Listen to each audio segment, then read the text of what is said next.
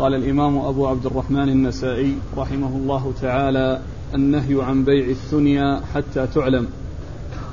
قال أخبرنا زياد بن أيوب قال حدثنا عباد بن العوام قال حدثنا سفيان بن حسين قال حدثنا يونس عن عطاء عن جابر رضي الله عنه أن النبي صلى الله عليه وآله وسلم نهى عن المحاقلة والمزابنة والمخابرة وعن الثنيا إلا أن تعلم.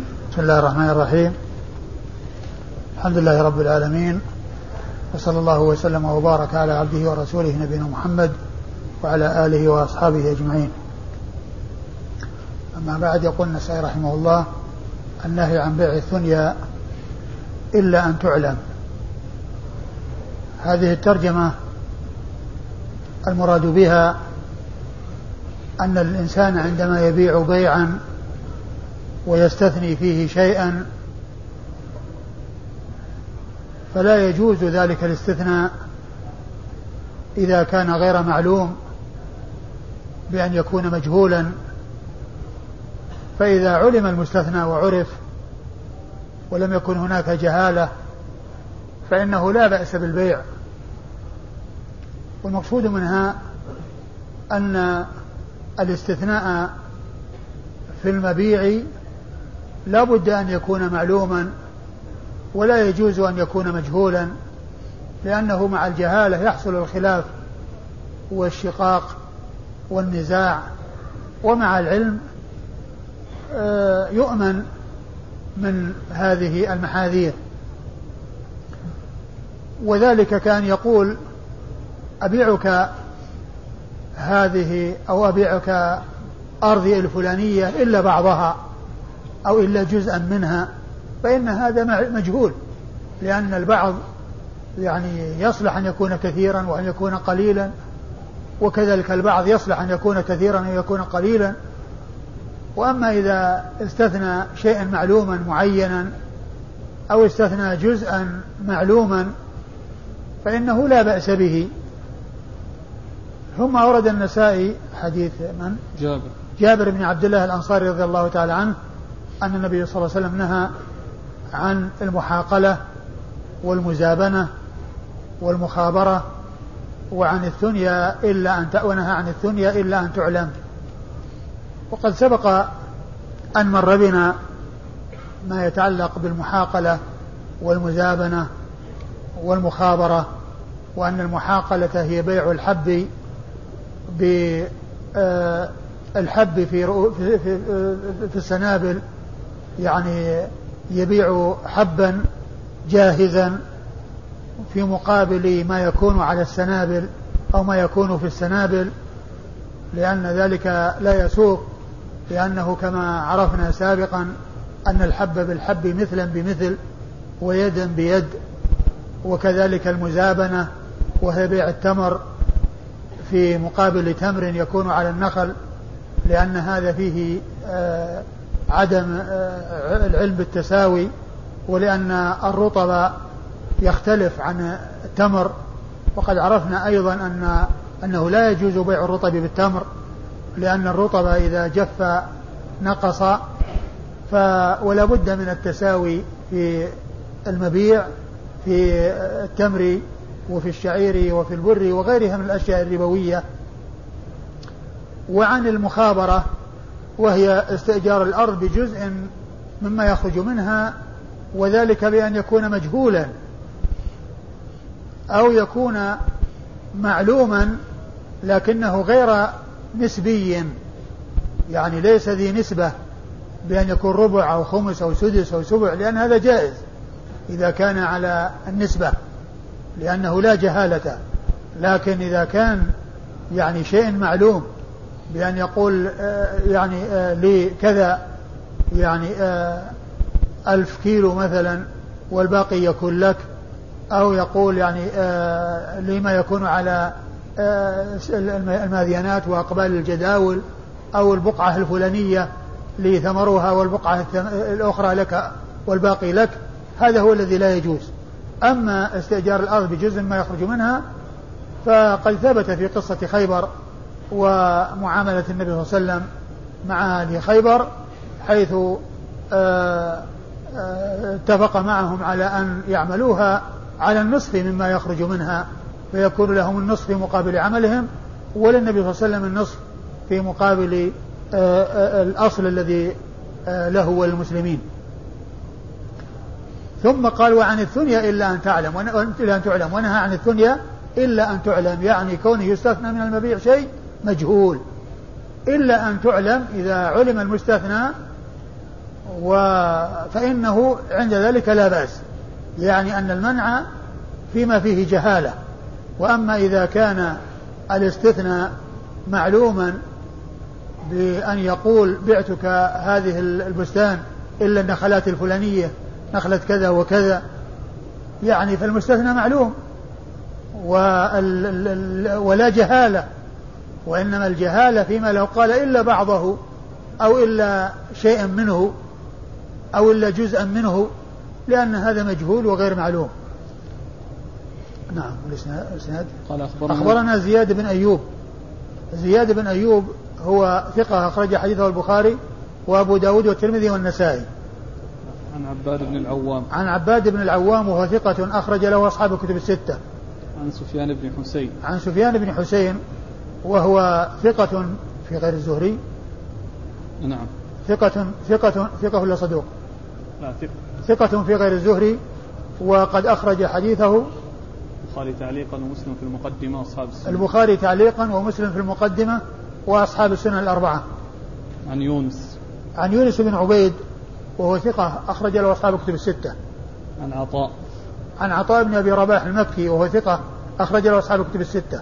عن جابر. عن جابر بن عبد الله الأنصاري رضي الله تعالى عنه وعن أبيه وعن الصحابة أجمعين وهو أحد السبعة المعروفين بكثرة الحديث عن النبي صلى الله عليه وسلم الذين هم أبو هريرة وابن عمر وابن عباس وأبو سعيد الخدري وأنس بن مالك وجابر وأم المؤمنين عائشة رضي الله تعالى عنهم وعن الصحابة أجمعين. قال أخبرنا علي بن حجر قال حدثنا إسماعيل بن إبراهيم عن أيوب قال وأخبرنا زياد بن أيوب قال حدثنا ابن علية قال أنبأنا أيوب عن أبي الزبير عن جابر رضي الله عنه أنه قال نهى رسول الله صلى الله عليه وآله وسلم عن المحاقلة والمزابنة والمخابرة والمعاومة والثنيا ورخص في العرايا. ثم ورد النسائي حديث جابر رضي الله عنه من طريق أخرى وفيه ذكر الثنيا إلا أنه ليس فيه القيد الذي آه، في الطريقة السابقة وهو لا بد منه لأنها الثنيا المنع ليس مطلقا في الاستثناء وأنه لا يجوز الاستثناء في المبيعات بل يجوز لكن بشرط أن يكون معلوما. وعلى هذا فالحديث فيه اختصار والرواية السابقة هي الموضحة والمفصلة والمبينة لما يجوز وما لا يجوز. ما يجوز وما لا يجوز لأن الجائز هو أن تعلم وغير الجائز أن تكون مجهولة. ففيه تفصيل وهذه الرواية مطلقة لا تفصيل فيها قال وعن الثنيا أي الثنيا التي فيها جهالة وليس كل ثنيا تمنع لأن الاستثناء في المبيعات سائغ لكن بشرط أن يكون معلوما كما بينته الرواية الرواية السابقة. والحديث فيه ذكر المحاقلة والمزابنة والمخابرة وقد مر ذكرها وكذلك وفيه المعاومة. والمعاومة هي مثل ما تقدم في النهي عن بيع السنين أو بيع, بيع الثمر سنين وهي أن يبيع ثمر الحائط أو البستان أعواما اثنين أو ثلاثة أو أربعة. ذلك لا يجوز كما عرفنا.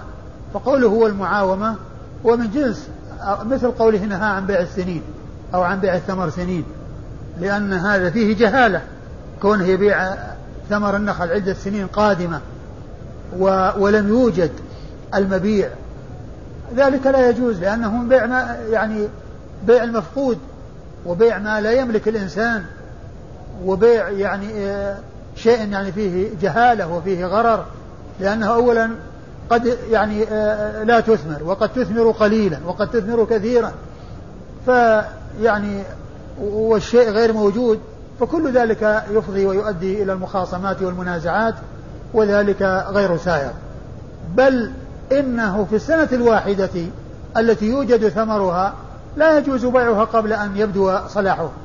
لا يجوز بيع الثمر قبل أن يبدو صلاحه. في نفس السنة التي المبيع فيها موجود. فإذا هذا من باب أولى. ورخص في العرايا والعرايا سبق أن عرفناها وهي يعني وهي مستثنات يعني من المنع وهو يعني كون آه، كون الإنسان يعني آه، فسرت بعدة تفسيرات سبق أن مر ذكرها ومنها أن الإنسان يهب شخصا عدة نخلات من بستانه فيتضرر صاحب البستان من تردد ذلك الذي وهب على بستانه فيجوز له أن يشتري منه هذه النخلات يجوز منه أن يشتري هذه النخلات دفعا للضرر.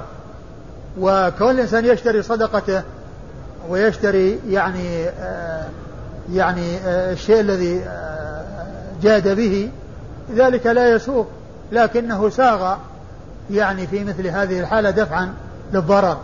وفسرت أيضا بكون الإنسان يعني آه يعني يشتري يعني في وقت آه الذي هو آه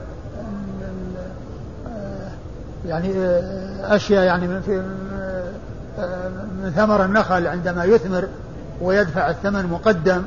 لأن أصحاب الحروث بحاجة إلى هذا فرخص يعني في ذلك واستثني من جملة ما لا يجوز بيعه ولهذا قال رخص في العرايا. يعني نهى عن المزابنة ورخص في العرايا. أيوة. قال أخبرنا علي بن حجر. أخبرنا علي بن حجر بن إياس المروزي السعدي ثقة أخرج له البخاري ومسلم والترمذي والنسائي. عن إسماعيل بن إبراهيم. عن إسماعيل بن إبراهيم بن مقسم وهو المشهور بابن علية وهو ثقة أخرج له أصحاب كتب الستة. عن أيوب. عن أيوب بن أبي تميم السختياني وهو ثقة أخرج له أصحاب كتب الستة. ثم ذكر الإسناد إسنادا آخر عن زياد بن أيوب عن ابن علية عن أيوب. والفرق بين الإسنادين أن أن علي بن حجر قال عن شيخه آه، آه، إسماعيل بن إبراهيم.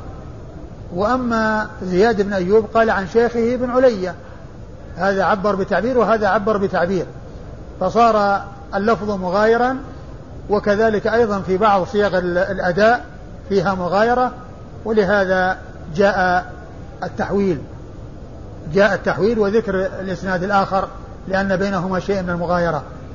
عن عن عن أبي الزبير. عن أبي الزبير وهو محمد بن مسلم بن تدرس المكي صدوق يدلس أخرج له أصحاب الكتب الستة. عن جابر بن عبد الله رضي الله عنه وقد مر ذكره. قال رحمه الله تعالى النخل يباع أصلها ويستثني المشتري ثمرها. قال أخبرنا قتيبة قال حدثنا الليث عن نافع عن ابن عمر رضي الله عنهما أن النبي صلى الله عليه وآله وسلم قال أيما امرئ أبر نخلا ثم باع أصلها فللذي أبر ثمر النخل إلا أن يشترط المبتاع. ثم ورد النسائي آه أن الترجمة إيش؟ النخل يباع أصلها ويستثني المشتري ثمرها. النخل يباع أصلها ويستثني المشتري ثمرها. يعني بهذا أن الثمر تابع للأصل. الثمر تابع للأصل والذي يملك الأصل هو الذي يملك الثمر. فإذا باع الأصل والنخل قد أبر فإنه يكون لا يكون لا يكون الثمر تابعا للأصل. يعني بمعنى أن المشتري يملكه بمجرد البيع لأنه شر النخلات إلا أن يستثني لنفسه المشتري بأن الثمر له تبعا للأصل. وإلا فإنه يكون للبائع. هذا إذا كان مؤبرا. أما إذا كان قبل التأبير فإنه يكون تابعا للأصل بمعنى أنه يكون للمشتري. لأن البائع ما عمل شيئا يعني حول معالجة الثمر وحول يعني التعب والكلفة يعني فيما يتعلق بالثمرة. بأن أبرها لأنه لم يصل إلى حد التأبير. فإذا كان لم يصل إلى حد التأبير ولم يحصل التأبير فإن الثمرة تكون للبائع لا تكون للمشتري. إلا إذا اشترط أو المشتري الذي هو المبتاع المبتاع الذي هو المشتري اشترط أن تكون الثمرة له كالأصل. الثمرة له كالأصل فإنها تكون للمشتري بالشرط. أما إذا كان هناك إطلاق وعدم تنصيص على الثمرة وقد حصل التأبير فإنها تكون للبائع. وعلى هذا فما كان قبل التأبير فالثمرة تابعة للأصل وتكون للبائع المشتري تكون تكون المشتري وأم لأن البائع ما عمل شيئا يعني آه، ما تعب في آه، آه، الثمرة وما يلزم للثمرة من معالجة بتأبير أو غير ذلك. وأما إذا أبرها وأما إذا أبرها فإنه قد يكون تعب فيكون الثمرة له بنص هذا الحديث إلا أن يستثني أو إلا أن يشترط المشتري بأنها له تبعا للأصل. أيوة. أورد حديث ابن عمر. ها؟ حديث. الحديث من؟ حديث من؟ ابن عمر. حديث ابن عمر. أورد أورد النسائي حديث ابن عمر رضي الله عنه قال من أيما امرئ ابتاع أيما امرئ أبر نخلا. أيما امرئ أبر نخلا. ثم باع أصلها. ثم باع أصلها فثمرتها للبائع إلا أن يشترط المبتاع. ثمرتها للبائع إلا أن يشترط المبتاع بأن الثمرة لا تبع للأصل. وهذا كما عرفنا مقيد بالتأبير وبحصول التأبير أما إذا كان لم يحصل التأبير ولم يحصل البدء من المالك اللي هو البائع بالكلفة فيها فإنها تكون آه، للمشتري تبعا للأصل. أيوه الإسناد قال أخبرنا قتيبة. قتيبة أخبرنا قتيبة بن سعيد بن جميل بن طريف البغلاني ثقة أخرج له أصحاب كتب الستة. عن الليث. عن الليث بن سعد المصري ثقة فقيه أخرج له أصحاب كتب الستة. عن نافع. عن نافع مولى بن عمر وهو ثقة أخرج له أصحاب كتب الستة. عن عبد الله بن عمر رضي الله تعالى عنهما وهو أحد العباد الله الأربعة من أصحاب النبي صلى الله عليه وسلم وأحد السبعة المعروفين بكثرة الحديث عن النبي صلى الله عليه وسلم وهذا الإسناد من رباعيات النسائي التي هي أعلى ما يكون عند النسائي حيث يكون في الإسناد بينه وبين رسول الله صلى الله عليه وسلم أربعة أشخاص. قال رحمه الله تعالى العبد يباع ويستثني المشتري ما له. قال أخبرنا إسحاق بن إبراهيم قال أنبأنا سفيان عن الزهري عن سالم عن أبيه رضي الله عنه عن النبي صلى الله عليه وآله وسلم أنه قال من ابتاع نخلا بعد أن تؤبر فثمرتها للبائع إلا أن يشترط المبتاع. ومن باع عبدا وله مال فماله للبائع إلا أن يشترط المبتاع. ثم أورد النسائي هذه الترجمة من من باع عبدا وله مال. من باع عبدا وله العبد مال. العبد يباع ويستثني المشتري ماله. العبد يباع ويستثني المشتري ماله. يعني أن العبد إذا كان بحوزته مال أو ممكن من التصرف ويعني وهو يكتسب ويجمع الأموال من المعلوم أن مال مال العبد هو لسيده وهو لا يملك ولكن يعني كون الشيء بحوزته وكونه يعني آه، حصل على على هذا المال وجمعه ولم يسلمه للبائع فكونه في حوزته أضيف إليه المال من جهة أنه معه مثل ما يضاف الثمر إلى النخل لكونه عليها. فالرسول صلى الله عليه وسلم أو الترجمة التي ذكرها النسائي هي مثل الترجمة السابقة. إذا كان العبد الذي بيع بحوزته مال وكونه يعني مطلق صراحة في التصرف في البيع والشراء وكان عنده مال أو يكتسب وقد جمع مالا ولم يسلمه للبائع فطمع فيه المشتري وأراد أن يكون هو وما بحوزته. فإنه يجوز له إذا إذا اشترط أن يكون الذي معه تابع للبيع. أما إذا كان لم يحصل الشرط فإنه كالمسألة السابقة آه، يكون للبائع إلا أن يشترط المبتاع. يعني أنه يكون للمشتري بالشرط والأصل أنه يكون تابع للبائع ولا يكون للمشتري إلا بالشرط. وأورد النسائي حديث من؟ ابن عمر. ابن عمر. أورد النسائي حديث ابن عمر وهو مثل ما تقدم وفيه زيادة زيادة آه، آه، ومن ومن ابتاع عبدا له مال وماله البائع ومن ابتاع باع. ومن باع. ومن باع عبدا وله مال فماله للبائع إلا أن يشترط المبتاع. ومن ابتاع عبدا وله مال فماله للبائع إلا أن يشترط المبتاع مثل الذي قبله. نعم. قال أخبرنا إسحاق بن إبراهيم. أخبرنا إسحاق بن إبراهيم بن مخلد ابن مخلد بن راهوية الحنظلي المروزي ثقة آه، فقيه وصف بأنه أمير المؤمنين في الحديث. وحديثه أخرجه أصحاب كتب الستة إلا ابن ماجه. عن سفيان. عن سفيان بن عيينة المكي ثقة أخرج له أصحاب كتب الستة. عن الزهري. عن الزهري محمد بن مسلم بن عبيد الله بن شهاب الزهري ثقة فقيه أخرج له أصحاب كتب الستة. عن سالم. عن سالم بن عبد الله بن عمر رضي الله تعالى عنهما وهو ثقة فقيه أخرج له أصحاب كتب الستة وهو أحد فقهاء المدينة السبعة على أحد الأقوال الثلاثة في السابع منهم. عن أبيه. عن أبيه عبد الله بن عمر رضي الله تعالى عنهما وقد مر ذكره. قال رحمه الله تعالى البيع يكون فيه الشرط فيصح البيع والشرط. قال أخبرنا علي بن حجر قال أنبأنا سعد. سعدان. قال أنبأنا سعدان.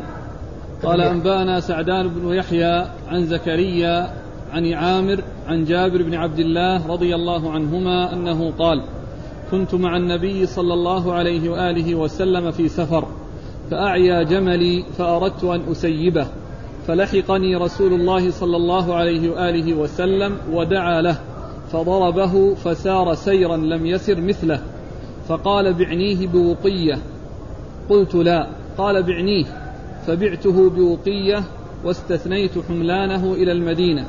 فلما بلغنا المدينة أتيته بالجمل وابتغيت ثمنه ثم رجعت فأرسل إلي فقال أتراني إنما ماكستك لآخذ جملك خذ جملك ودراهمك. ثم ورد النسائي هذه الترجمة وهي البيع يكون فيه الشرط فيصح البيع والشرط. البيع يكون فيه الشرط نعم. فيصح البيع والشرط. الترجمة البيع يكون فيه الشرط فيكون البيع صحيحا والشرط صحيحا. يكون البيع صحيحا والشرط صحيحا. وذلك لأن الشرط لا ليس فيه جهالة وليس فيه يعني شيء يعود على العقد يعني بالغرر أو أو أو بالجهالة وما إلى ذلك وإنما هو بيع ومعه شرط في شيء معلوم لا ينافي مقتضى العقد فيكون سائغا. وقد أورد النسائي حديث جابر بن عبد الله الأنصاري رضي الله عنه في قصة جمله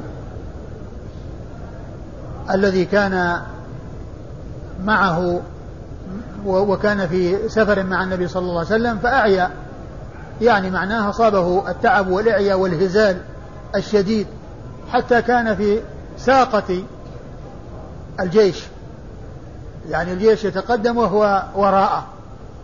حتى أنه هم أن يسيبه يعني يتركه يعني في مكان لأنه ما يستطيع أن يساير يساير الجيش. فالرسول الرسول صلى الله عليه وسلم رآه فجاء إليه ودعا له وضربه. فانطلق ونشط حتى تقدم وصار في مقدمة الجيش. وصار في مقدمة الجيش. ثم قال له النبي صلى الله عليه وسلم بعنيه. فقال لا يعني ما يريد أن يبيعه. وقد جاء في بعض الروايات أنه يعني بحاجة إليه يعني لأنه في سفر وفي بعضها وكذلك أنه كان ناضحا لهم يعني ينضحون عليه يخرجون عليه الماء. فهم بحاجة إليه. وفي بعض الروايات ما يدل على أنه امتنع من البيع ولكنه أراد أن يعطيه بالمجان بدون بيع. يعني كما جاء في بعض الروايات التي ستأتي وغيرها أنه قال خذه يا رسول الله. يعني يريد أن يأخذه بدون مقابل وبدون بيع. فالرسول صلى الله عليه وسلم يعني سامه بأوقية وباعه عليه واشترط ظهره إلى المدينة يعني كونه يعني يركبه ويستخدمه إلى أن يصل المدينة. البيع تم في الطريق البيع تم في الطريق ولكن بقي شيء مكن منه البائع وهو أن يستعمله إلى تلك الغاية التي اتفق عليها وهي وصوله المدينة. فلما وصل المدينة جاء به إلى النبي صلى الله عليه وسلم وأعطاه الثمن أعطاه الدراهم فلما ولى دعا به فأتي به فقال أتراني ما كستك لآخذ جملك؟ فلما قال بعنيه بعنيه فخذ جملك ودراهمك. يعني الدراهم التي أعطاها إياه قيمة للجمل والجمل الذي هو المبيع. فأعطاه الجمل ولم يأخذ منه الدراهم بل جعل الدراهم والجمل كلها تكون له التي هي قيمة الجمل. المقصود من الحديث آه كونه اشترط ظهره إلى المدينة. يعني كونه يعني يتم البيع والشرط ويصح البيع والشرط. لأن البيع صح صحيح. لأن الرسول صلى الله عليه وسلم يعني آه، آه، اشترى باع جابر والرسول اشترى وهذا اشترط ظهره إلى المدينة. والبيع صحيح والشرط صحيح. البيع صحيح والشرط صحيح. تعيد المتن؟ قال جابر رضي الله عنه كنت مع النبي صلى الله عليه وسلم في سفر فأعيا جملي فأردت أن أسيبه. أعيا جملي يعني أصابه الإعياء والتعب والهزال الشديد حتى تخلف عن عن الجيش وصار يعني وراءهم يعني كأنه يعني سيحصل به الانقطاع عن الجيش. وحتى هم أن يسيبه يعني يتركه في مكان أو يجعله عند أحد يحفظه أو يعني يبقى في مكان لأن لا يستطيع أن يسير الجيش. فعلم به النبي صلى الله عليه وسلم ورآه النبي صلى الله عليه وسلم فجاء إليه. أيوة. فلحقني رسول الله صلى الله عليه وآله وسلم ودعا له فضربه فسار سيرا لم يسر مثله. فلحقه النبي صلى الله عليه وسلم. لحقه النبي صلى الله عليه وسلم. النبي صلى الله عليه وسلم كان يكون في ساقة الناس يعني حتى يعني يساعد يعني من يكون يعني من يكون آه، يحتاج إلى مساعدة لحقه فدعا له. يعني دعا لهذا الجمل أو دعا لجابر وجمله وضربه. يعني وهذا يدلنا على أن الضرب الذي الذي لا يؤثر ولا يضر أنه سائغ للبهائم يعني للحاجة. فسار سيرا لم يسره. يعني نشط وأسرع في شيء غير معتاد له وذلك ببركة دعاء النبي صلى الله عليه وسلم و آه، حصول يعني هذا الذي حصل منه عليه الصلاة والسلام. أيوة. فقال بعنيه بوقية. نعم فقال بعنيه بوقية. أيوة. قلت لا. قال بعنيه. فبعته بوقية واستثنيت حملانه إلى المدينة. وهذا محل الشاهد. بعته بوقية هذا هو البيع. واستثنيت حملانه إلى المدينة هذا هو الشرط. وصح البيع والشرط. والترجمة يعني البيع يكون فيه الشرط فيصح البيع والشرط.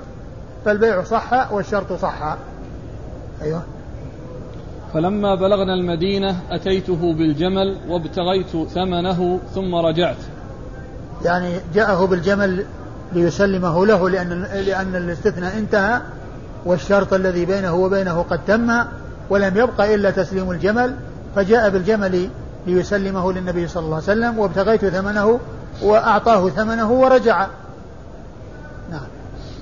فأرسل إلي فقال أتراني إنما ما كستك لآخذ جملك خذ جملك ودراهمك. ثم دعا به يعني أن يرجع إليه فقال أتراني ما كستك لآخذ جملك؟ يعني لما قال له بعنيه بعنيه وكرر ذلك عليه أنه طمعا في الجمل قال خذ جملك ودراهمك.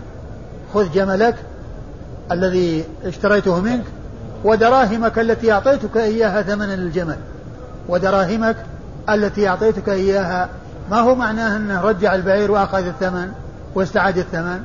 بل أعطاه البعير وأبقى الثمن عنده ولهذا قال خذ قال خذ جملك ودراهمك. دراهمك التي هي القيمة التي سلمها له رسول الله صلى الله عليه وسلم. يقول الأخ إذا المشتري أعاد السلعة للبائع ولم يرد أن يتم البيع هل عليه من حرج؟ إذا أعاد؟ المشتري السلعة للبائع. وما أراد إذا كان إذا كان البائع يعني وافق ويعني رضي ما ما في بس أما إذا كان البيع قد تم والمشتري أراد أن أن يعني يعني يرجع أو أراد يعني يفسخ البيع فالبيع لازم ولا يصح إلا برضا الطرفين. أما إذا كان سيفعل كما فعل الرسول صلى الله عليه وسلم يعني يعطيه السلعة مع مع مع مع مع الثمن يعني فالأمر ما فيه إشكال. قال أخبرنا علي بن حجر عن سعدان. أخبرنا علي بن حجر وذكره عن سعدان وهو لقب صاحب اللقب سعيد بن ابن يحيى سعيد بن يحيى. وسعدان لقب مأخوذ من من الاسم لأن بعض الألقاب تؤخذ من الأسماء. يعني مثل مثل سعدان مأخوذة من سعيد ومثل عبدان مأخوذة من عبد الله ومثل عباد مأخوذ من عبد الله. وهكذا يعني تكون أحيانا الألقاب يعني مأخوذة من الأسماء. يعني آه، فيها يعني الحروف يعني آه، فيها يعني آه، اشتقاق من الأسماء. وأحيانا تكون الألقاب لا علاقة لها بالأسماء بعيدة عن الأسماء. لا توافقها ولا تقاربها. لكن أحيانا تكون الألقاب مأخوذة من الأسماء وهذا من هذا القبيل. لأنه سعدان مأخوذ من سعيد. وعبدان مأخوذ من عبد الله عبد الله بن عثمان المروزي من شيوخ البخاري لقبه عبدان وهو عبد الله اسمه. فسعيد بن يحيى صدوق قال عنه الحافظ صدوق وسط أخرج حديثه. البخاري والنسائي وابن ماجه. البخاري والنسائي وابن ماجه صدوق وسط. يعني كلمة وسط هذه ما رأيتها يعني في التقريب. يعني إلا في هذا الرجل وكذلك في الرجل الذي بعده في التقريب لأنه أيضا شخص آخر قال عنه صدوق وسط أيضا صدوق وسط أيضا شخص آخر يعني كاسمه أيضا سعيد بن يحيى يعني كهذا سعيد بن يحيى. وكلمة وسط لا أدري هل المقصود بها يعني أنه آه، رفع من شأنه ويكون يعني يعني مثل ما قال الله عز وجل كذلك جعلناكم أمة وسطا أو أنه يعني آه، تقليل من شأنه وأنه يعني فيه شيء يعني آه، وترجمته طبعا نجد أن كلام العلماء فيهم من يعني يثني عليه كثيرا وفيهم من آه، يتكلم فيه ويقول ليس بذاك ويعني محله الصدق وكذا. فلا أدري إيش المقصود منها يعني هل هي زيادة ثناء أو أنها يعني آه، أو أنها غمز فيه أو تقليل يعني من وصفه بهذا الوصف. نعم. عن زكريا. آه، أخرج حديثه. البخاري والنسائي وابن البخاري والنسائي وابن ماجه. وليس له في البخاري إلا حديث واحد. آه، عن زكريا. نعم. عن زكريا بن أبي زائدة وهو ثقة. ربما وهم. ما أدري هل في ربما وهم أو أخرج له أصحاب الكتب الستة. ثقة يدلس. ثقة يدلس نعم. ثقة يدلس أخرج له أصحاب الكتب الستة. عن عامر. عن عامر ابن شراحيل الشعبي وهو ثقة فقيه أخرج له أصحاب الكتب الستة. عن جابر. وهو, وهو وعامر الشعبي هذا هو الذي اشتهر عنه الكلمة المشهورة العظيمة التي نقلها عنه شيخ الإسلام ابن تيمية في أول منهاج السنة حيث قال عن الرافضة هو الذي قال إن اليهود والنصارى فضلوا الرافضة بخصلة فضلوهم بخصلة ويعني تميزوا عليهم. قيل قيل لليهود من خير أهل ملتكم؟ فقالوا أصحاب أصحاب موسى. وقيل للنصارى من خير أهل ملتكم؟ فقالوا أصحاب عيسى. وقيل للرافضة من شر أهل ملتكم؟ فقالوا أصحاب محمد. قيل للرافضة من شر أهل ملتكم؟ فقالوا أصحاب محمد. نعم. عن جابر. عن جابر وقد مر ذكره. قال أخبرنا محمد بن يحيى بن عبد الله. قال حدثنا محمد بن عيسى بن الطباع. قال حدثنا أبو عوانة عن مغيرة عن الشعبي عن جابر رضي الله عنه أنه قال غزوت مع النبي صلى الله عليه وآله وسلم على ناضح لنا. ثم ذكرت الحديث بطوله ثم ذكر كلاما معناه. فأزحف الجمل فزجره النبي صلى الله عليه وآله وسلم فانتشط حتى كان أمام الجيش. فقال النبي صلى الله عليه وآله وسلم يا جابر ما أرى جملك إلا قد انتشط. قلت ببركتك يا رسول الله. قال بعنيه. ولك ظهره حتى تقدم حتى تقدم. فبعته. وكانت لي وكانت لي إليه حاجة شديدة ولكني استحييت منه.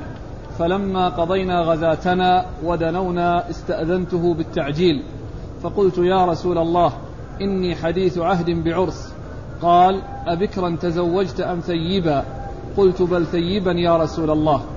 إن عبد الله بن عمرو رضي الله عنه أصيب وترك جواري أبكارا فكرهت أن آتيهن بمثلهن فتزوجت ثيبا تعلمهن وتؤدبهن. فأذن لي وقال لي ائت أهلك عشاء فلما قدمت أخبرت خالي ببيع الجمل فلامني فلما قدم رسول الله صلى الله عليه وآله وسلم غدوت بالجمل. فأعطاني ثمن الجمل والجمل وسهما مع الناس. ثم ورد النسائي حديث جابر بن عبد الله رضي الله عنه في قصة جمله من طريق أخرى وفيها يعني زيادات. قال غزوت مع رسول الله صلى الله عليه وسلم. قال ثم ذكرت على ناضح لنا. على ناضح لنا. الناضح يعني هو الذي يستنبطون يستخرجون عليه الماء. الناضح هو الذي يستخدمونه لإخراج الماء. من البئر. هذا هذه النواضح. يعني ناضح لنا يعني جمل يستعملونه للنضح وهو إخراج الماء. أيوة على ناضح لنا. ثم ذكرت الحديث بطوله ثم ذكر كلاما معناه. أيوة. فأزحف الجمل. فأزحف الجمل أي تعب وحصل له الإعياء. فزجره النبي صلى الله عليه وسلم وفي وسبق أن مر أنه دعا له وأنه ضربه. وأنه انتشط وهنا حتى صار أمام الجيش. يعني بدل ما كان متخلف عن الجيش أسرع حتى تقدم على الجيش. فقال له النبي صلى الله عليه وسلم ما أرى جملك إلا قد انتشط. يعني تغيرت حاله وتبدلت حاله من من الإعياء والتعب إلى أن كان نشيطا يتقدم الجيش. قال ببركتك يا رسول الله. قال ببركتك يا رسول الله. لأنه دعا له صلى الله عليه وسلم و يعني زجره وضربه وحصل له بذلك هذا النشاط بإذن الله وتوفيق الله عز وجل. قال بعنيه ولك ظهره حتى تقدم فبعته.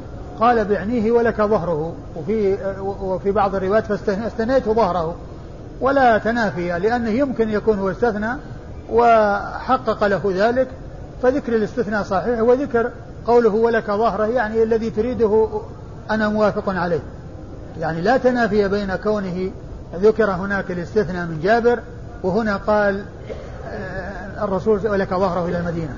لأنه يمكن يكون جابر قال أنا بحاجة إليه وأنا الآن يعني آه، أركبه وأستخدمه فقال ولك ظهره إلى المدينة. فيكون يعني في بعض الروايات ذكر ما جاء من طريق جابر وما قاله جابر وفي بعض الروايات ما قاله الرسول صلى الله عليه وسلم تحقيقا لرغبة جابر والشيء الذي تردد فيه جابر من جهة أن بحاجة إليه في الطريق. نعم. وكانت لي إليه حاجة شديدة. وكانت له إليه حاجة شديدة يعني من جهة السفر ومن جهة النضح.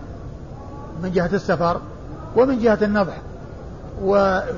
ويؤيد يعني كونه أيضا من جهة النظر حاجتهم إليه لأن خاله لامه كما سيأتي في نفس الحديث لامه لأنهم بحاجة إليه. نعم. ولكني استحييت منه. نعم. فلما قضينا غزاتنا ودنونا استأذنته بالتعجيل. يعني فلما قضينا غزاتنا وقربوا من المدينة استأذن الرسول بأن, يتع... بأن يعجل إلى أهله وأن يتقدم الجيش. ما يكون يعني يستمر مع الجيش حتى يصل إلى المدينة أراد أن يسبقهم وأن يكون من المتعجلين الذين يسبقون الجيش. وبين السبب وهو أنه كان حديث عهد بعرس يعني كان متزوج قريبا. نعم. الغزوة معلومة؟ ما أدري ولا ما أدري. قلت فقلت يا رسول الله إني حديث عهد بعرس. قال أبكرا تزوجت أم ثيبا؟ قلت بل ثيبا يا رسول الله. إن عبد الله بن عمرو أصيب وترك جواري أبكارا فكرهت أن آتيهن بمثلهن فتزوجت ثيبا تعلمهن وتؤدبهن. ثم يعني لما يعني ذكر أو طلب التعجيل بين السبب وأنه حديث عهد بعرس وعند ذلك قال له النبي صلى الله عليه وسلم أبكرا تزوجت أم ثيبا؟ ولما كان يعني لم يتزوج بكرا وإنما تزوج ثيبا بين السبب في زواجه من الثيب دون البكر مع أن البكرة هي التي يرغبها الناس ويميل إليها الناس فبين أنه إنما تزوج ثيبا لا لمصلحته هو وإنما لأجل مصلحة خواته اللاتي هن بحاجة إلى من يرعاهن. فقدم مصلحة خواته على مصلحته لأنه اختار لهن ثيبا يعني عندها خبرة وعندها معرفة بالتربية تعلمهن وتؤدبهن وهن بحاجة إليها ولم يأتي بواحدة من جنسهن. تكون يعني من جنسهن ما يستفدن منها شيئا. فكان رضي الله تعالى عنه وأرضاه أن آه، يعني اختار مصلحة مصلحة خواته. وهنا قال إن عبد الله بن عمرو والمقصود به عبد الله بن عمرو أبوه لأنه جابر بن عبد الله بن عمرو بن حرام. وهذا يدل على أن كون الإنسان عندما يتكلم يعني ويذكر أبي يذكر أباه يجوز أن يذكره باسمه وبنسبته إليه. فيقول إن أبي أو يقول إن عبد الله بن عمرو. مثل ما يأتي في كثير من الروايات يعني عن فلان عن فلان وهو يروي عن أبيه. وأحيانا يقول عن أبي وأحيانا يقول عن فلان. أو أن فلان ابن فلان ويسمي أباه. يعني مثل ابن عمر يروي عن أبيه يقول عن عمر بن الخطاب. يعني فيجوز مثل هذا لكن في النداء والمخاطبة لا يصلح أن الإنسان يخاطب أباه فيقول يا فلان باسمه وإنما يخاطبه بنسبته إليه فيقول يا أبتي أو يا أبي. أما يعني في يعني في مثل هذا الكلام الذي هو في أثناء الحديث أو ذكره كذا فله أن يسميه فله أن يذكره بنسبته إليه وله أن يذكره باسمه ونسبه مثل ما فعل جابر هنا حيث قال إن عبد الله بن عمرو. وعبد الله بن عمرو هو أبوه. ترك جواري يعني أبكارا يعني بنات صغار أبكار. فاختار ثيبا من أجل مصلحتهن حتى تعلمهن وتؤدبهن. أيوة. فأذن لي وقال لي إيت أهلك عشاء. فأذن له الرسول صلى الله عليه وسلم بأن يتقدم وأن يتعجل وقال ائتي أهلك عشاء. يعني يعني لا تأتيهم تطرقهم وإنما بكر يعني بأن يأتي مبكرا قبل الطرق ليلا بأن يكون آخر النهار أو يعني قبل صلاة العشاء. يعني آه، في الوقت الذي يكون الناس فيه ما ناموا. أي نعم. فلما قدمت أخبرت خالي ببيع الجمل فلامني يعني لامه لأن حاجتهم إليه شديدة من أجل النضح لأنه ناضح لهم. يعني أخذوه من من السقي والسني إلى الجهاد في سبيل الله وإذا رجعوا يحتاجون إليه في ذلك. نعم. فلما قدم رسول الله صلى الله عليه وآله وسلم غدوت بالجمل فأعطاني ثمن الجمل والجمل وسهما مع الناس. أعطاه الجمل والجمل أعطاه ثمن الجمل والجمل وسهما مع الناس يعني نصيبه من من السهام ومن الغنيمة. أخذها أخذه وأخذ الثمن الذي اتفق مع النبي صلى الله عليه وسلم عليه وهو أوقية. بل وأرجح له كما سيأتي عندما وزن له أوقية زاد كما سيأتي في بعض الروايات. وأعطاه الجمل فيكون أخذ الثمن والمثمن. الذي خرج منه والذي أعطي إليه كله آه، ملكه وأيضا السهم الذي أصابه مع الناس نعم قال أخبرنا محمد بن يحيى بن عبد الله محمد بن يحيى بن عبد الله هو الذهلي النيسابوري وهو ثقة أخرج له البخاري وأصحاب السنة الأربعة. عن محمد بن عيسى بن الطباع. عن محمد بن عيسى بن الطباع وهو ثقة أخرج له البخاري تعليقا وأبو داود والترمذي في الشمائل والنسائي وابن ماجه. وهو ثقة أخرجه البخاري تعليقا وأبو داود والترمذي في الشمائل والنسائي وابن ماجه. عن أبي عوانة. عن أبي عوانة الوضاح بن عبد الله اليشكري وهو ثقة أخرج له أصحاب كتب الستة. عن مغيرة.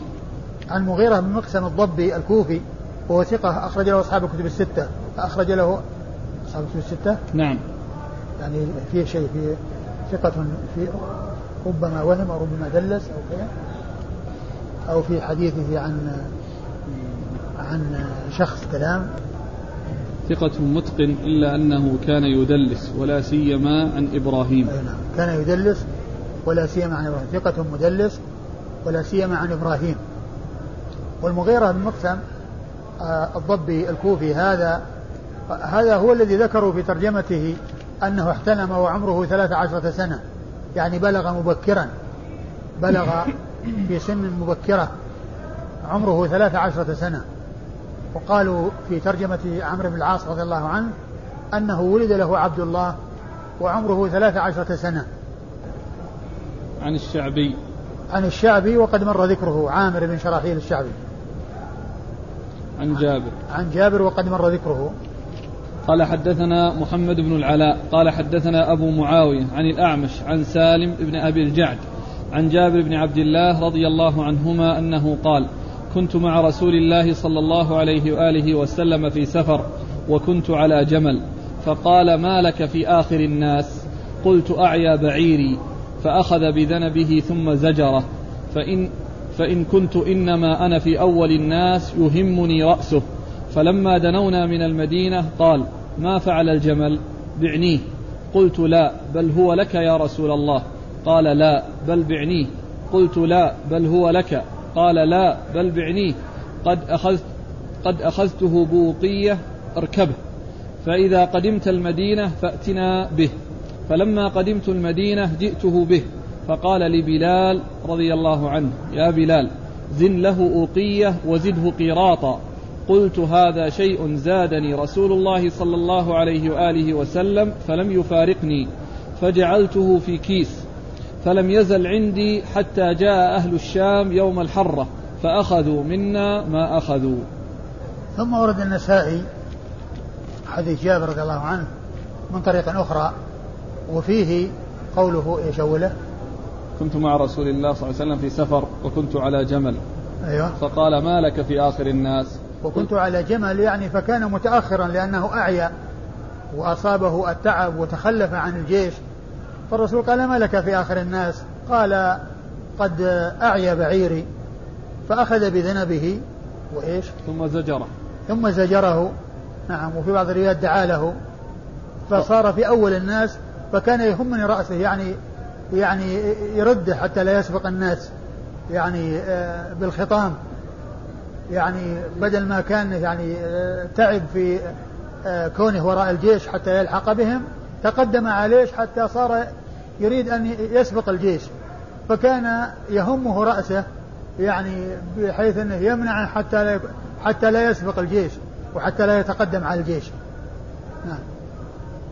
فلما دنونا من المدينة قال ما فعل الجمل؟ بعنيه. قلت لا بل هو لك يا رسول الله. وهذا فيه أن قوله لا أنه لا يريد أن يبيع عليه بيعا ولكن يريد أن يعطيه عطاء يعطيه عطية وأنه يهبه للرسول صلى الله عليه وسلم ويعطيه للنبي عليه الصلاة والسلام. نعم.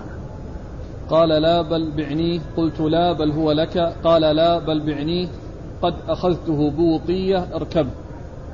أخذته بوقية يعني اشتريته بوقية اركبه يعني استفد منه إلى أن تصل المدينة. اركبه يعني لك ظهره إلى المدينة. فإذا قدمت المدينة فأتنا به. فلما قدمت المدينة جئته به.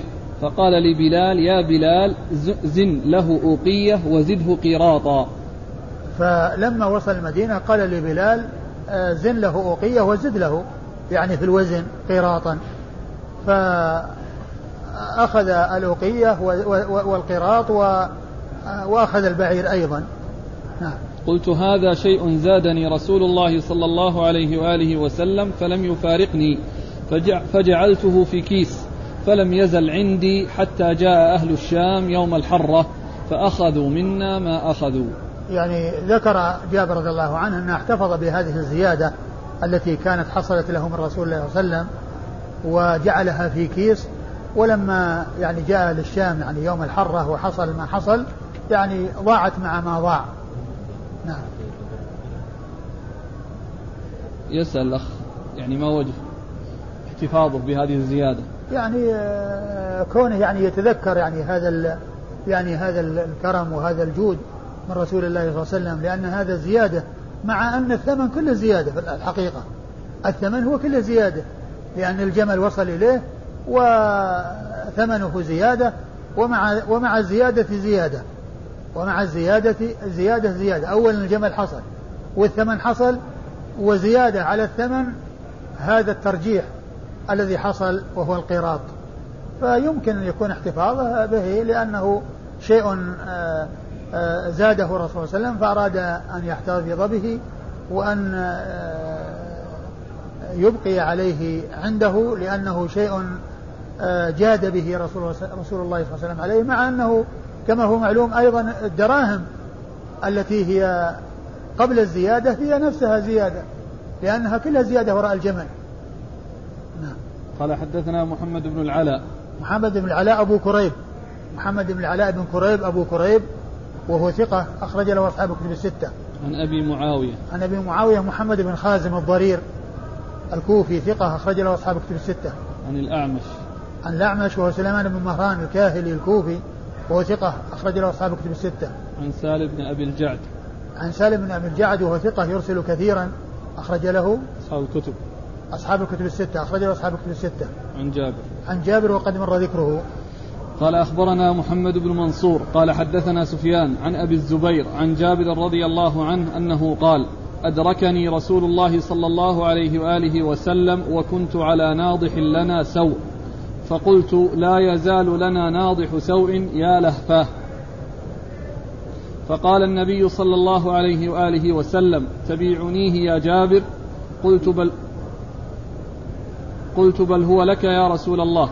قال اللهم اغفر له اللهم ارحمه. قد أخذته بكذا وكذا وقد أعرتك ظهره إلى المدينة. فلما قدمت المدينة هيأته فذهبت به إليه. فقال يا بلال أعطه ثمنه فلما أدبرت دعاني فخفت أن يرده فقال هو لك. انتهى؟ نعم. ثم ورد النسائي حديث جابر رضي الله عنه من طريق أخرى وفيه أنه كان مع النبي صلى الله عليه وسلم في سفر وأنه كان على ناضح له ناضح سوء يعني أنه رديء يعني أنه رديء يعني أنه هزيل وأنه قد تعب. وقد حصل له العيا. ثم قال إيش؟ فقلت لا يزال لنا ناضح سوء يا لهفاه. لا يزال لنا ناضح ناضح سوء يا لهفاه. يعني إن هذا هذا الناضح الذي هو رديء يعني لا يزال لنا يعني يا لهفاه يعني كأنه يتألم أو يتضجر يعني من من يعني هذا الذي آه، آه، أصابه ما أصابه من التخلف عن القوم. بسبب ضعفه وهزاله. نعم. فقال النبي صلى الله عليه وسلم تبيعنيه يا جابر. قلت بل هو لك يا رسول الله. قال اللهم اغفر له اللهم ارحمه. قد أخذته بكذا وكذا. وقد آه قال تبيعني يا جابر. فقال لا هو لك يا رسول الله. قال اللهم اغفر له اللهم ارحمه. يعني يقصد جابر يقصد جابر. أيوة. قد أخذته بكذا وكذا وقد أعرتك ظهره إلى المدينة. نعم. فلما قدمت المدينة هيأته فذهبت به إليه فقال يا بلال أعطه ثمنه. فلما أدبرت دعاني فخفت أن يرده فقال هو لك. قال خفت أن يرده قال هو لك يعني مع الثمن الذي قد وصل إليه. نعم. قال أخبرنا محمد بن منصور. محمد بن منصور الجواز المكي ثقة أخرج له النسائي وحده. عن سفيان. عن سفيان بن عيينة المكي ثقة أخرج له أصحاب كتب الستة. عن أبي الزبير عن, عن أبي جابر. الزبير عن جابر وقد مر ذكرهما. قال أخبرنا محمد بن عبد الأعلى قال حدثنا المعتمر قال سمعت أبي قال حدثنا أبو نضرة عن جابر بن عبد الله رضي الله عنهما أنه قال كنا نسير مع رسول الله صلى الله عليه وآله وسلم وأنا على ناضح فقال رسول الله صلى الله عليه وآله وسلم أتبيعنيه بكذا وكذا والله يغفر لك. قلت نعم هو لك يا نبي الله. قال أتبيعنيه بكذا وكذا والله يغفر لك. قلت نعم هو لك يا نبي الله. قال أتبيعنيه بكذا وكذا والله يغفر لك. قلت نعم هو لك. قال أبو نضرة وكانت كلمة يقولها المسلمون افعل كذا وكذا والله يغفر لك. ثم ورد النسائي حديث جابر من طريق أخرى وهو مثل مثل ما تقدم. شو يقول؟ كنا نسير مع رسول الله صلى الله عليه وسلم وأنا على ناضح. أيوة. فقال الرسول صلى الله عليه وسلم أتبيعنيه بكذا وكذا والله يغفر لك. أتبيعني بكذا وكذا والله يغفر لك. يعني افعل كذا وكذا والله يغفر لك. يعني هذه الرسول كان يعني يقولها يعني لأصحابه أحيانا. نعم. قلت نعم هو لك يا نبي الله. نعم هو لك يا نبي الله يعني عطية وليس بيعا. أيوة. قال أتبيعنيه بكذا وكذا والله يغفر لك. قلت نعم هو لك يا نبي الله. قال أتبيعنيه بكذا وكذا والله يغفر لك. قلت نعم هو لك. قال أبو نضرة وكانت كلمة يقولها المسلمون افعل كذا وكذا والله يغفر لك. يعني كما كان المسلم يقول كانوا يقولون يعني ذلك اقتداء برسول الله صلى الله عليه وسلم افعل كذا والله يغفر لك. أيوة. قال أخبرنا محمد بن عبد الأعلى. محمد بن عبد الأعلى وهو ثقة أخرج حديثه مسلم وأبو داود في القدر والترمذي والنسائي وابن ماجه. عن المعتمر. عن المعتمر بن سليمان بن طرخان التيمي وهو ثقة أخرج له أصحاب الكتب الستة. عن أبيه عن أبيه سليمان بن طرخان وهو ثقة أيضا أخرج له أصحاب الكتب الستة. عن أبي نضرة. عن أبي نضرة وهو المنذر بن مالك وهو ثقة أخرج حديثه البخاري تعليقا ومسلم وأصحاب السنن؟ نعم. البخاري البخاري تعليقا ومسلم وأصحاب السنن الأربعة. عن جابر. عن جابر وقد مر ذكره. قال رحمه الله تعالى البيع يكون فيه الشرط الفاسد فيصح البيع ويبطل الشرط. والله تعالى أعلم وصلى الله وسلم وبارك على عبده ورسوله نبينا محمد وعلى آله وأصحابه أجمعين.